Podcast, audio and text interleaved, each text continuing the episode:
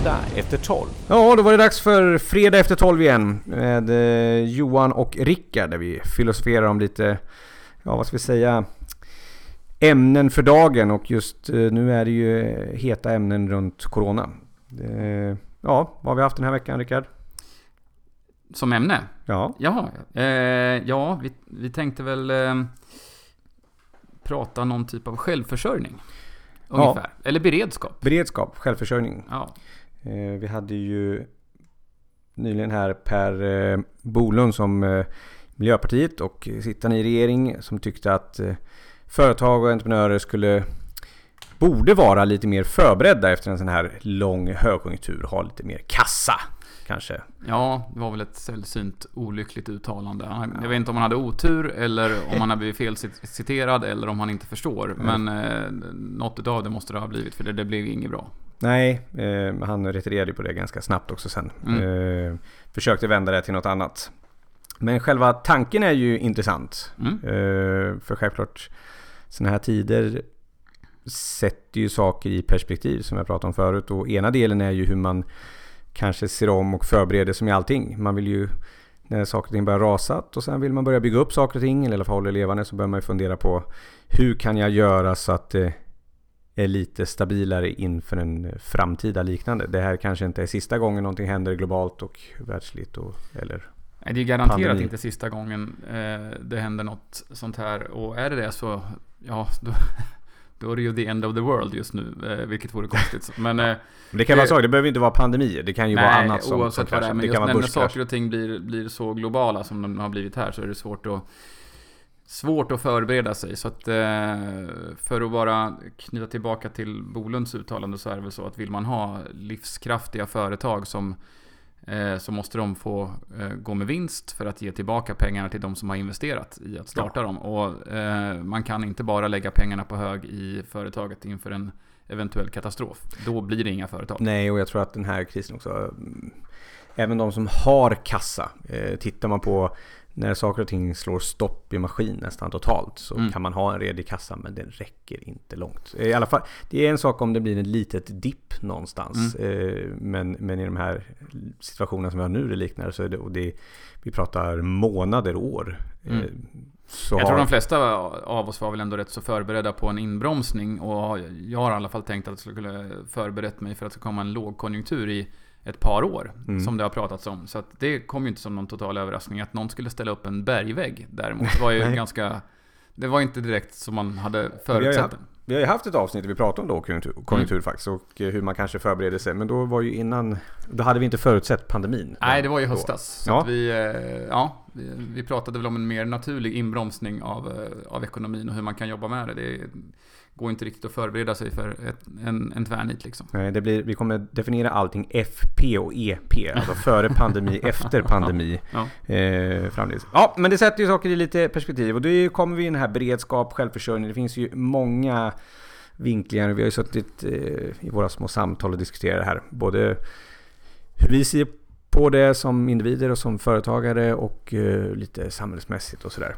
Ja, men Eh, precis. Det kommer ju påverka oss på alla, alla tre de aspekterna, tänker jag. Att eh, samhället kommer nog att förändra sin, eh, sitt sätt att se på hur vi förbereder oss och är beredda på saker. Och eh, som privatpersoner så tror jag också att det kommer hända lite saker. Vi har ju inte haft någon ordentlig kris sedan 92. Ja. Så, vad ska man ta i jämförelse med det här får vi gå tillbaka till 30-talet. Och det, eh, då var ju ändå, 92 var ju ändå hyfsat tufft för, för många.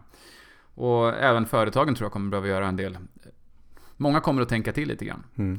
Eh, en som jag, som jag funderar mycket på, det är vad som, vad som händer med globaliseringen nu. Liksom, den har ju gått, den har ju tuffat på ganska bra. Ja, de det, har ju varit, det har ju varit egentligen nyckeln till framgång man har pratat om Mm. i väldigt länge. Hela liksom. tiden. globaliseringen. Man kan outsourca ut allt, ta alla delar. Man Mm. liksom, inte som förr i tiden när Siemens gjorde liksom alla delar till alla sina produkter. Hade allting in-house kan man Mm. säga. Utan nu liksom tar man in, outsourcar man och köper in överallt. Mm. Eh, ja, vad säger man? Det finns många förståspår och säkert kan det här superbra. Personligen tror jag att eh, globalisering kommer få sig en törn. Eh, och det handlar ju mer om att man vill just självförsörjning. Man vill säkra upp vissa delar. Att titta på sin verksamhet. Vad, vad är liksom kritiskt att vi har? har? Mm. Antingen så om man kanske lägger upp det på lager. Mm. Att det på något sätt, tar industrin som fordonsindustrin, ja det spelar ingen roll vilken industri. Ja, men fordonsindustrin är ganska intressant. Ja. För den, alltså när man köper väldigt mycket delar, Ja. eller kanske vissa detaljer till, till en lastbil. Mm. Eh, Och de har gått på pris. Ja, Det har kanske gått till eh, österut och hittat eh, det, priserna ligger lite bättre, där man har lite mer möjlighet Mm. att eh, få ner priset på enhet men sen Mm. egentligen också blir då mycket, mycket mer sårbar så fort liksom gränser eller oavsett vad det är som händer. Ja. Det behöver ju inte vara en pandemi, det kan ju vara att det händer något i det här landet. Det var precis som det började här i det här fallet. Det var Kina som stängde ner. Mm. Och vi andra i världen satt och tittade på och tänkte ja det där löser sig nog så du ser. Mm. Eh, Men de som självklart handlade med Kina redan då, där började ju krisen redan för dem. Ja, och vad jag, vad jag förstod så var det ju kanske inte i första hand ens så att det alltid var materialbristen som var problemet. Utan när det slutade komma containrar ifrån Kina så fanns det liksom ingenting att packa i för exportföretagen i Sverige när de skulle ha ut sina grejer. Så att det, det, liksom, det, är, en helt, det är en helt osannolik eh, effekt blir att det finns tyvärr inga containrar.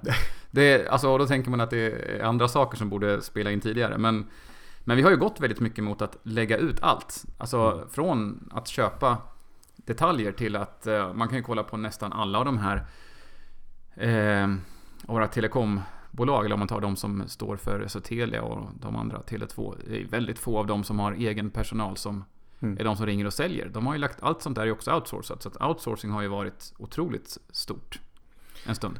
Kommer det att bli så framåt? Kommer, eller kommer man liksom att ha en liten, kommer, man, kommer fordonsindustrin, om vi håller oss kvar där, kommer de att ha en lokal mekanisk verkstad som tillverkar 20% av, eh, av alla delar. Men de tillverkar alla delar någonstans i närheten så de ändå kan bygga några lastbilar. Och så köper man in... Eh, Ja, nej, Eller? ja, jag vet inte. eller kommer man bygga, bygga lager? Det är ju, det är ju liksom... Har vi ju, Ja, det är antingen den delen att bygga, att, se till att man hela tiden har beredskapslager Mm. lager för att ta sig över den här pucken när saker och ting stänger ner så att Mm. man fortfarande kan hålla verksamheten igång. Mm. Ehm, så ja, det är väl den delen. För jag tror att Men då kommer vi också in på råmaterialsidan som också blir ett problem, eh, tror jag, i en sån grej. För att många av de stora industriföretagen köper ju ändå från eh, mindre lokala eller regionala företag. Men de i sin tur köper ju in material eh, färdigt, halvfärdigt eller rent råmaterial från just Kina. Så att, Mm. eller österut i alla fall. Mm. inte nödvändigtvis, inte nödvändigtvis vara Kina. Men eh, så det, ja. men, men, Går det ens att förbereda sig i vissa branscher? Nej, jag tror, inte, jag tror inte det går att förbereda sig kanske att lägga bara på lager eller, eller Ja, man kan väl hitta och bara börja med, med lokala producenter. Jag tror kanske, Mm. tar vi fordonsindustrin där man ska ha extremt mycket av saker och ting, stor Mm. industri, där får man svårt för det finns inga produktionsenheter här som överhuvudtaget kan skala upp till den nivån. Men det finns ju väldigt mycket annan verksamhet som inte är i den nivån och den skalan, där man kanske än fram till idag har gjort det av rent ekonomiska skäl, Mm. pris per enhet, köpt, Mm. eh, ja, outsourcar ut och, eller köper tjänster eller Mm. produktion i, i andra länder. Kommer man värdera andra saker tänker du då? När man ja, ska, jag tror när att det, där kan det vara en annan, en, en, en, där tror jag det kan bli ett, ett litet nytänk. Att, eh, Tillgången på material blir viktigare än... Och, Ja, och närheten även, och, även logistik. kontrollen på, Ja. av, av leverans av Ja. det man håller på med är otroligt viktig. Eh, Man blir otroligt sårbar annars när nästan hela din verksamhet styrs av saker och ting du absolut inte Mm. kan kontrollera eh, på andra sidan jordklotet till exempel. Så någon typ av... Man tar hänsyn till eh, risken för materialbrist kontra pengar, det vill säga billigt pris. Eh, man, får göra, Mm. man får väga in beredskapen lite mer i Mm. framtiden. Ja, det visar sig. Det är svårt. Det är klart, ofta men nu, nu ekonomi säger så- vi bara vad vi tror. Det är Ja. ingen som vet vart det här kommer hamna. Eller, Nej, vi är ju definitivt inte några experter. Nej. Det kan vi ju definitivt förklara på en gång här. Men eh, däremot, jag tror inte glo- globaliseringen kommer på något sätt liksom stanna av. Det är med, eh, den digitala transformationen har ju liksom öppnat upp den här lilla jordklotet. Mm. Eh, så att vi kommer nog göra både affärer och kommunikation runt över hela eh, vår glob. Men jag tror att vi kommer det kommer bli lite ett annat tänk. Vissa Mm. delar kommer vi börja titta mer lokalt. Det har ju nästan blivit att vi inte gör något lokalt. Vi sitter liksom och har ingen självförsörjning va- vare sig det är som samhälle, land eller nation eller lokalt eller oavsett vad det är.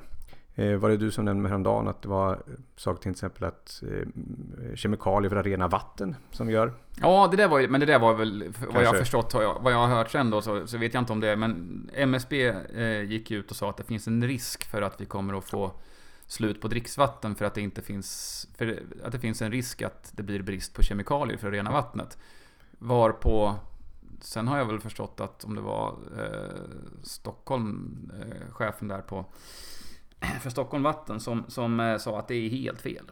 Eh, så det är inget bra om det blir desinformation ifrån Det är väl så det är mycket. Det MSB. sprids mycket information som man får, får Ja, eh, ta med en nypa salt i början innan man får det validerat självklart. Ja, nej, Men- men det, och det, det, allt det där skapar ju såklart en hysteri över att köpa vattendunkar och börja, börja lagra vatten hemma. Och, Ja. och det är ju inte riktigt, det är klart det är jättebra för de som säljer vattendunkar. Mm. Självklart. Men det är ju, det är ju skitdåligt om, om vi får folk att reagera i, i panik hela tiden. Men det som är intressant är ju att den här delen för ju ändå upp tanken på självförsörjning. Sen om Mm. det där nu kanske inte var sant och det kanske inte var den delen. Men det skulle ju likväl kunna vara. Mm. Att det är så att man eh, börjar granska sina verksamheter och titta på vad är det nu som är liksom, ja men vi köper in de här produkterna eller tjänsterna från de här ställena. Och man kanske inte har tagit fram några alternativ. Mm. Eh, Och det är lite den här delen att ha en beredskapsplan. Man kanske inte måste liksom bygga lager hela tiden, men man, att man gör en plan B hela tiden. Mm. Eh, Och det är, ja, i en värld när allting, allting har varit tillgängligt väldigt enkelt och lätt att få på grejer. Det är liksom man youtubar och googlar lite och klickar på en knapp och så kommer det levererat Mm. eh, någonstans ifrån och man kan söka billighetspris.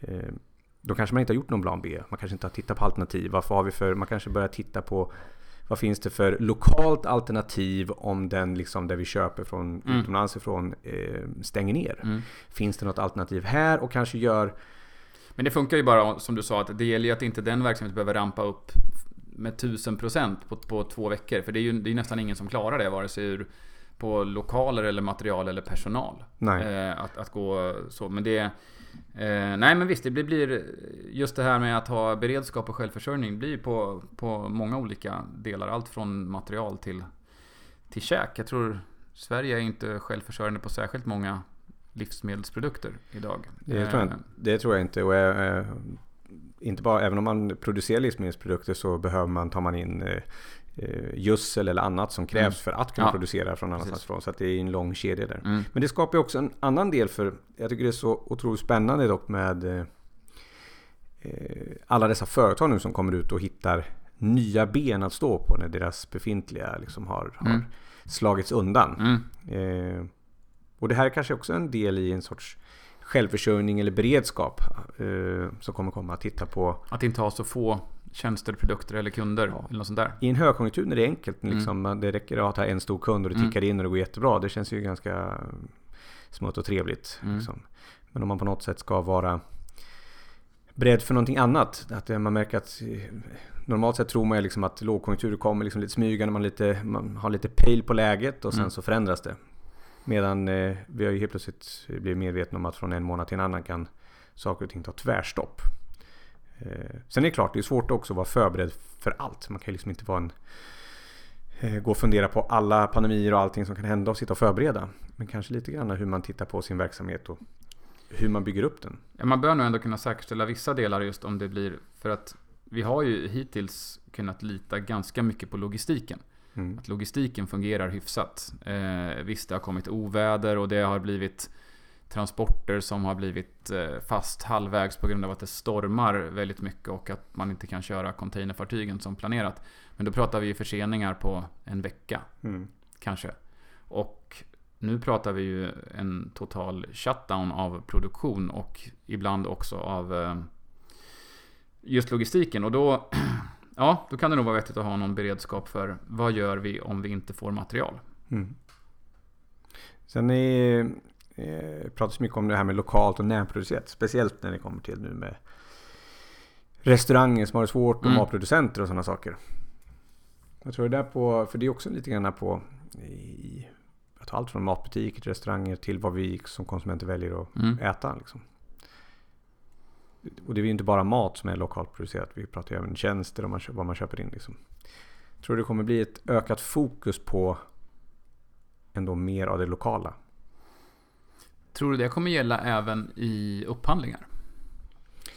För hittills så har, ju, har de ju varit ganska dåliga på det om man ska vara helt ärlig. På uh, att ha det lokala perspektivet. Ja, men det har ju varit, det där har ju, inte det är ju, pris är ju alltid nummer ett liksom i en upphandling. Ja, jag kan ju inte det. Jag borde kunna med tanke på vem jag är gift med. Så borde Mm. jag kunna den delen. Mm. Men det kan jag inte. Så hon får väl lyssna på det här också. Får hon väl skälla lite mer. Hon får rätta dig så får du berätta, så, så får du Ja, berätta men för jag, mig. som jag, tror att, jag tror inte att det går in ha det som ett krav. Annars så vore ju det ganska intressant att man vill att det ska vara lokalt. När man gör upphandling att det, Ja. eh, det ska ligga inom x eh, kilometer, mil Mm. från. bla. Då självklart blir det, om det är ett eh, skallkrav så, så eh, gör ju det att det blir lokalproducerat. Men jag, Mm. Vad jag tror så får man inte ha med sådana. Men jag törs inte säga vilket. Men det vore ju ett sätt att kanske ändra. Man är ju väldigt duktig just nu på att ändra lagar. Mm. Så de kan vi ju ändra väldigt snabbt helt plötsligt. Ja, ja, du kanske kunde skicka in den också i LOU där så det blir Ja, precis. Och, då, det, och det vore ju ganska intressant om det finns, om man kan motivera varför i en upphandling att mm, de som gör upphandlingar eh, vill ha det lokalproducerat. Det står väl i ganska stor kontrast till EU då, den fria rörligheten och den fria konkurrensen såklart. Alltså det, det, då måste man ju jämka mellan de två såklart. Mm. Men det, det känns ju ändå som att när det väl blev lite kris så var de flesta länder sig själv närmast. Mm. Till och med de länder som man är...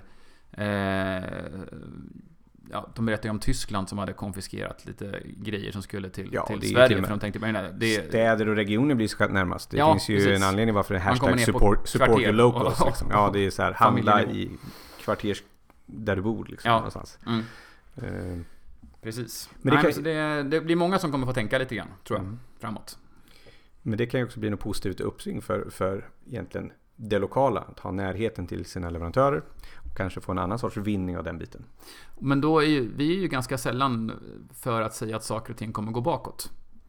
Eh, Mm. Men att säga att vi skulle gå åt det hållet kan ju lätt bli att tro att man ska gå bakåt. Men det är inte samma sak som att säga att faxen kommer göra sitt återinträde som, som den, den nya kommunikationsmedlet direkt. men, eh, men eh, vi snackar mer om ett nytt normalt, Mm. kanske. Inte som någon återgång till självförsörjande hushåll. För det att alla kommer smälla upp ett stort växthus och börja odla sin, sin egen mat. Vi är en bit därifrån. Ja, nej det kommer det kanske inte bli. Men jag tror att det är just den här... Fler kommer däremot börja odla. Det tror jag. Det tror Men- jag också. Och själva den här beredskaps överhuvudtaget. Att titta över hur man... Hur man eh, med mat och med konserter. Mm. Alltså jag tror att den kommer fortsätta lite grann. Det Mm. ligger för nära, nära inpå tror jag efter den här delen att, eh, att ändras. Mm. Men eh, ja, det är en... Eh, det är intressant hur man ska liksom sätta det här, hur företag ska kunna Mm. bygga upp den här självförsörjning och beredskap. Eller självförsörjning. För företag handlar kanske mer om en beredskap. Eh, Ja. Eller som, som kassa. Och då kommer vi in även lite grann på den andra delen. Det ju, blir ju också den här, en del av beredskapen är ju faktiskt också att titta på hur man eh, bygger upp sin, sin kostnadsmassa. Mm. Bland annat till exempel med, eh, med personal och utnyttjar kompetensen i människor. Eh, det som vi har pratat om mycket förut. Eh, för det första som har liksom, man säga, skalats ner Mm. och de största kostnaderna för företag har- och är oftast alltid personalkostnad. Ja. Ehm, Och det, alltså, vi ska inte ta förlängningen av det just nu, för det blir så otroligt stora konsekvenser när man börjar komma på hur många, hur, st- hur stor arbetslösheten blir och vad det kostnaden för samhället blir för det. Men om man kikar just på, på företaget så är det rätt intressant att fundera på balansen mellan att ändå, som du säger, hur har vi tillräckligt mycket anställda med tillräckligt bra kompetens och att vi ändå inte bygger på oss en kostnadsmassa som inte är hanterbar om det av någon anledning, framförallt av faktorer som vi inte kan påverka, går ner väldigt fort eller till och med slår stopp. mm. Så, ja. Hur kombinerar man det då? Ja, ja, det är en bra fråga. Men det sätter ju mycket i fokus på en massa punkter eftersom det på något sätt också då förutsätter att till exempel det skulle eh, giggandet eller liksom här eh, ta in folk med som expertis eller konsulter skulle vara eh, eh, vilket är ett, ett bra sätt att mer utnyttja den eh, kompetens man tar in för att få det på, inte på tid att du jobbar åtta timmar utan utför en, en viss uppgift. Men det sätter ju också då eh, fokus på om man då ska kunna korrigera det snabbt. Vi Mm. slå, slå stopp i verksamheten. Ja, men då är det lättare att kunna säga, ta bort en del av den kompetensen. Men det sätter ju Mm. också fokus på liksom hur vi ser på det arbetssättet. Därför att det finns ju i dagsläget faktiskt inga skyddsnät. Folk som eh, jobbar som till exempel giggare eller konsulter eller liknande och vill, vill jobba på det sättet så, så är det en ganska utsatt situation överhuvudtaget. Ja, och sen har ju vi en ganska lång tradition av det här med lojalitet i, i Sverige. Vi ser ju liksom att eh, jag tror inte det är lika vanligt om du frågar eh, the millennials eh, att de ser att de ser lojalitet till sin arbetsgivare som, eh, som någonting självklart. Men om vi tar de som är lite äldre än vad vi är så är det ju fler än en jag känner som har fått guldklocka. Mm. Eh, och man jobbar länge på samma företag. Och det är klart, i det, har man en sån verksamhet där man har många som har jobbat länge så sitter det såklart väldigt mycket kompetens på varje stol. Mm. Väldigt mycket erfarenhet. Sen är det ju faktiskt så att i många fall så är det ju inte alltid så att det, att det, att det nödvändigtvis är det som är eftersträvansvärt. Hur tänker du då? Att ha eh, just anställningslojalitet, att få ha folk som har jobbat 25 år på samma ställe. Det är inte säkert att det, att det i, de, i många verksamheter är den bästa medicinen. Nej, det beror på vad man är ute efter så att säga. Ja, precis. När man pratar man innovation och utveckling och, och, och, förändring så kanske inte den grupp som är, är mest förändringsbenägna. Eh, om det är så du tänker? Ja, dels det och sen just att man har jobbat länge. Jag tänker att just det här med kunskap, eller produkt eller tjänstekunskap inte alltid sitter i antalet år på, föret, på just ett företag. Mm. Utan kan lika gärna sitta i en kombination av att ha jobbat på många olika ställen. Mm. Eh, att ha sett olika verksamheter och kunna föra in ett annat tänk. och det finns ju ganska ofta stöter man på den här så där har vi aldrig gjort och så här har vi alltid gjort. Precis. Eh, och, men, och, och, den kanske inte alltid är så positiv. Men det är ju också den, det som är intressant med den här delen. Där kan man ju i att kanske om man kunde slänga upp allting i luften och, och liksom plocka ner det lite grann som man ville och sen bortse lite grann för hur världen ser ut. Men vad man rent teoretiskt så att säga så handlar det ju också mycket om att för att driva ett företag så behövs ju en mängd olika komponenter, mängd olika kompetenser, drivkrafter och så vidare. Och där är det ju ofta en, en, en väldigt viktigt att ha en kombination. Mm. Eh, man kanske inte bara ska ha ett gäng liksom 20-åringar springer runt och är på ett sätt. De är jätteduktiga och har ett visst driv och sitt sätt på och kompetens. Utan man behöver en blandning av olika saker. Precis som, det är som i vilken organisation man bygger upp som helst egentligen. Mm. Eh, där det måste finnas en, en kombination av kompetenser, eh, där man har mycket erfarenhet som kombineras med eh, ja, vad ska man säga, Ungdomlig ung... entusiasm. Ja, och eh, innovation. Ja. Eh, förmågan att bara se nya möjligheter. Så att mm. säga. Men också kanske ett antal andra människor som håller ihop det hela på något sätt och, och kombinerar alla de här sakerna. Mm. Och där är det ju, kanske man, det jag menar är att man kanske behöver fler än idag. Men inte lika mycket tid av varje. Nej, vad jag menar. precis. Och vi har ju varit inne på det där med tid förut. Vi har ju en fäbless att mäta tid som våran prestation. Mm. Eh, och det är inte alltid så att just in, instämplad tid på mm. arbetet säger att eh, det nödvändigtvis blir bäst att jobba 40 timmar i veckan. Det är ju bara ett arbetstidsmått som vi har bestämt oss för, är ganska mm. rimligt. Men, eh, men visst, jag kan nog se att det, det här öppnar upp för lite annorlunda anställningsformer mot vad vi är vana med. Att det kanske inte... Dels så tror jag att viljan hos många är kanske att inte vara anställd på det sättet som man har varit förut. Just att du ska jobba heltid och vara 40 timmar i veckan, du ska vara på plats här. Och det, dels så kommer det öppna upp för att vi jobbar eh, väldigt mycket mer hemifrån, mycket mer flexibelt jobb. Vi pratade om det för förra gången eller gången innan, med att man kanske blir mer uppgiftsorienterad. Att du ska göra den, de här två sakerna ska vara klara till det här datumet. Sen hur du jobbar och när du jobbar kommer inte alltid att spela någon roll. Självklart om du står i en produktionslina så måste ju den måste ju löpa liksom. Men... Tror du det blir mer också i lite eller beredskap in, för individen? Tror du det finns en möjlighet eller sannolikhet att eh, eh, det kommer bli mer accepterat eller vanligt att vi kanske Precis som vi pratade om att eh, företag har kanske börja, börja komma och titta på lite grann om man har fler sorters olika kunder, fler ben att stå på. Att man som anställd har fler eh, jobb. Att man inte jobbar ett jobb, ett yrke, ett jobb, åtta timmar, 160 timmar i månaden, pang, mm. en lön. Utan man kanske har tre olika. Det, är egentligen, det kan till och med vara mindre arbetstid men du har liksom tre olika. Jag är bra på det där och sen så jobbar jag även som servitör där borta. Men mm. så jobbar jag som lite skatteexpert här. Och, mm.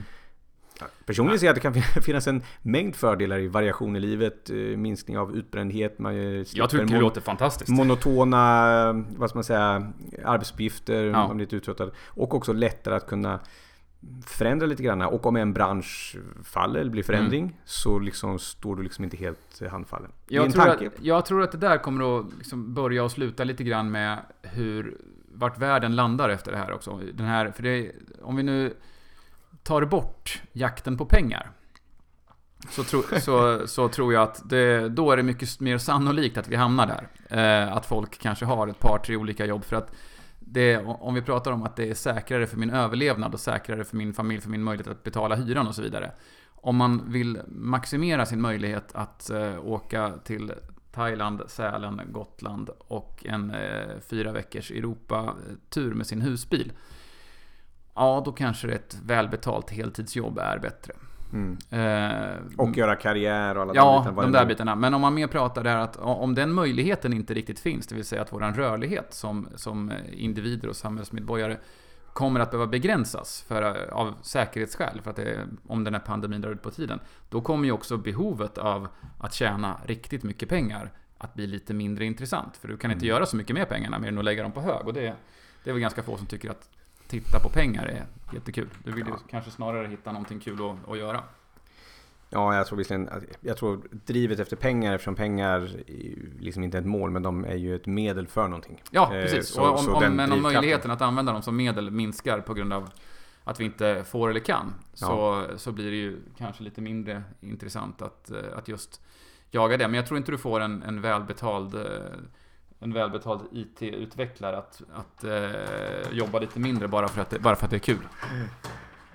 Men det kan ju bli... Eh, det kan ju bli också, det beror ju på lite, alltså vår, vår syn på den här delen kan ju kanske ändras också utefter... Eh, jag menar, ta det liksom... För bara, ja, ta förra sommaren här eller förra året. Om man inte åkte till eh, Thailand på en, ja, på en resa och inte vara i Sälen. Det finns ett antal saker som är måste. Mm. Vi brukar prata om Instagram-effekten. Ja. Liksom. Ja, jaha, nu är alla i Thailand igen här och inte jag. Eh, och det är klart, det för ju med sig ganska stora kostnader. Och jag tycker man ser väldigt mycket ute nu. Helt plötsligt så eh, kunde inte alla dra iväg till Sälen. Eh, eller ner till Österrike eller sådär. Och helt plötsligt börjar folk knalla ut i sin lilla lokala skog. 100 eh, meter från huset. Eh, och eh, ja, lägger ut bilder och pratar och diskuterar hur fantastiskt det är att eh, hänga i sin lilla lokala skog och där det var vitsipper och lite andra sådana saker. Eller vad mm. Man upptäcker nya saker. Precis. Eller som, man upptäcker gamla saker. gamla saker, ja de har funnits hela tiden. Men det blir ju också den här lite, inte bara lokal, lo, lokalproducerad upplevelse. Ja. Eh, det har ju blivit mer en, bara en trend att man ska åka iväg dit och man ska mm. det. är mer liksom där att jag åker iväg som är viktigt. Eh, jag tror nämligen att det kommer bli en en revival för egentligen det lite lokala överhuvudtaget. Mm. När man börjar se att upplevelsen finns även nära. Och den behöver inte vara koncentrerad till två, tre veckor om året utan du kan uppleva den varje vecka. Precis, och den behöver inte kosta lika mycket. Nej. Vilket gör att vi kan skapa ganska mycket upplevelser Tror jag. Som, vi, ja, som uppenbarligen massa människor i dagsläget lägger ut. Åh, vad fantastiskt, mm. så härligt. Eh, Men då undrar jag sådär, Johan, är vi då i det här steget demonetization i digitaliseringen eller? Precis, det är, det är det. Det här följer de uh, Steven Kotlers 6 Ds, uh, de 6 d i den digitala transformationen. Mm. Oh, ja, demonetization. Vi kommer till en värld där vi lever utan pengar till slut. Ja, det, det kommer vi ju inte uppleva Nej, en på en stund, helt utan pengar. Men, men alltså om det är så att om det visar sig att man får ut nästan lika mycket av att packa en ryggsäck och gå ut i skogen som att, eh, med familjen som att åka för 80 000 till Thailand. Så kommer ju, då kommer man ju spara 80 000 om året. Eller eh, 77,5 i alla fall. Om man, med många matsäckar så kan det väl gå ett par Jag tror självklart inte man kan dra allting åt ena eller andra hållet. Nej. Det är liksom lite grann som allting. Det, det är intressant att dra åt ena hållet för att, för att återigen eh, kolla på perspektiven. Men mm. precis som med eh, det vi har pratat om tidigare, hur vi omställning inställning. Det är att man helt plötsligt nu inte kan ha massa möten och konferenser och så börjar man tvingas man in i webbmötandet och grejer. Och när det här kom, går över så är jag övertygad att vi kommer vara i liksom en ny tid. Mm. Vi kommer inte Ja, några kommer självklart, men vi kommer inte hoppa tillbaka hela vägen. Men det kommer heller inte fortsätta med bara webbmöten. Utan det kommer bli en kombination mm. därför att vi har fått upp ögonen. Vilket gör, som jag pratade om förut, då, att vi vi får en bättre effektivitet i vår möteshantering och kommunikation överhuvudtaget. Och det här tror jag spiller över på en mängd olika aspekter. Ja. Ta rekreation, event, eh, råvaror, mat, restauranger. Alltså saker och ting som vi nu mer eller mindre forceras in och sen så upplever oj, titta vad fint det var här.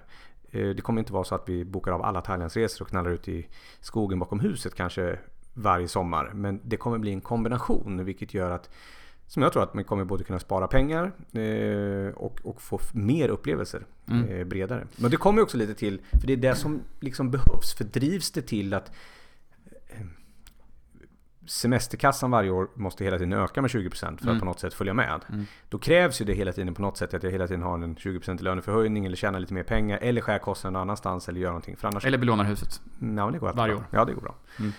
Eh, men det är det som krävs liksom hela tiden. Eh, och, och det på något sätt i längden är ohållbart Ja. eh, i en stor och bred skala. Det funkar säkert för vissa som gör karriär men i, i stort så blir det problematiskt.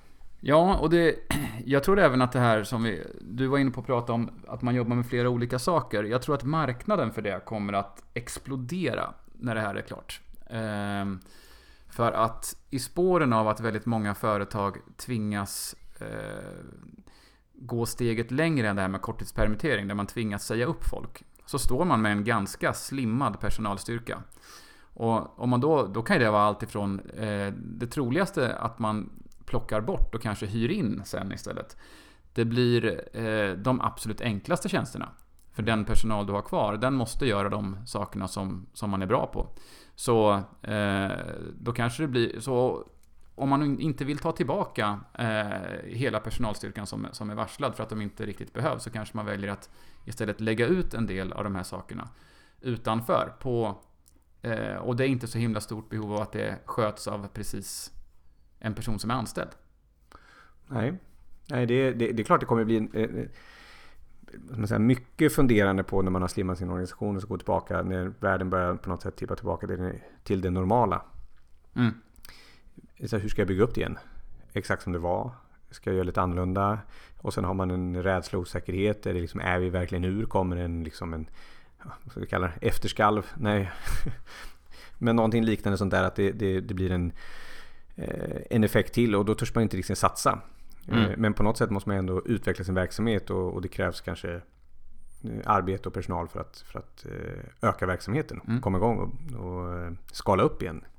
Så jag tror att det kommer komma mängder med de delarna, nya sätt att tänka. Men det kommer ju också kräva mycket större omtag och det är ju eh, Det är ju också en hel del lagar och regler och förändringar som måste till på liksom samhällsnivå överhuvudtaget för Mm. att vi ska få det där att funka riktigt. Men Mm. jag tror att det är en rörelse som är igångsatt Mm. som eh, definitivt kommer fortsätta.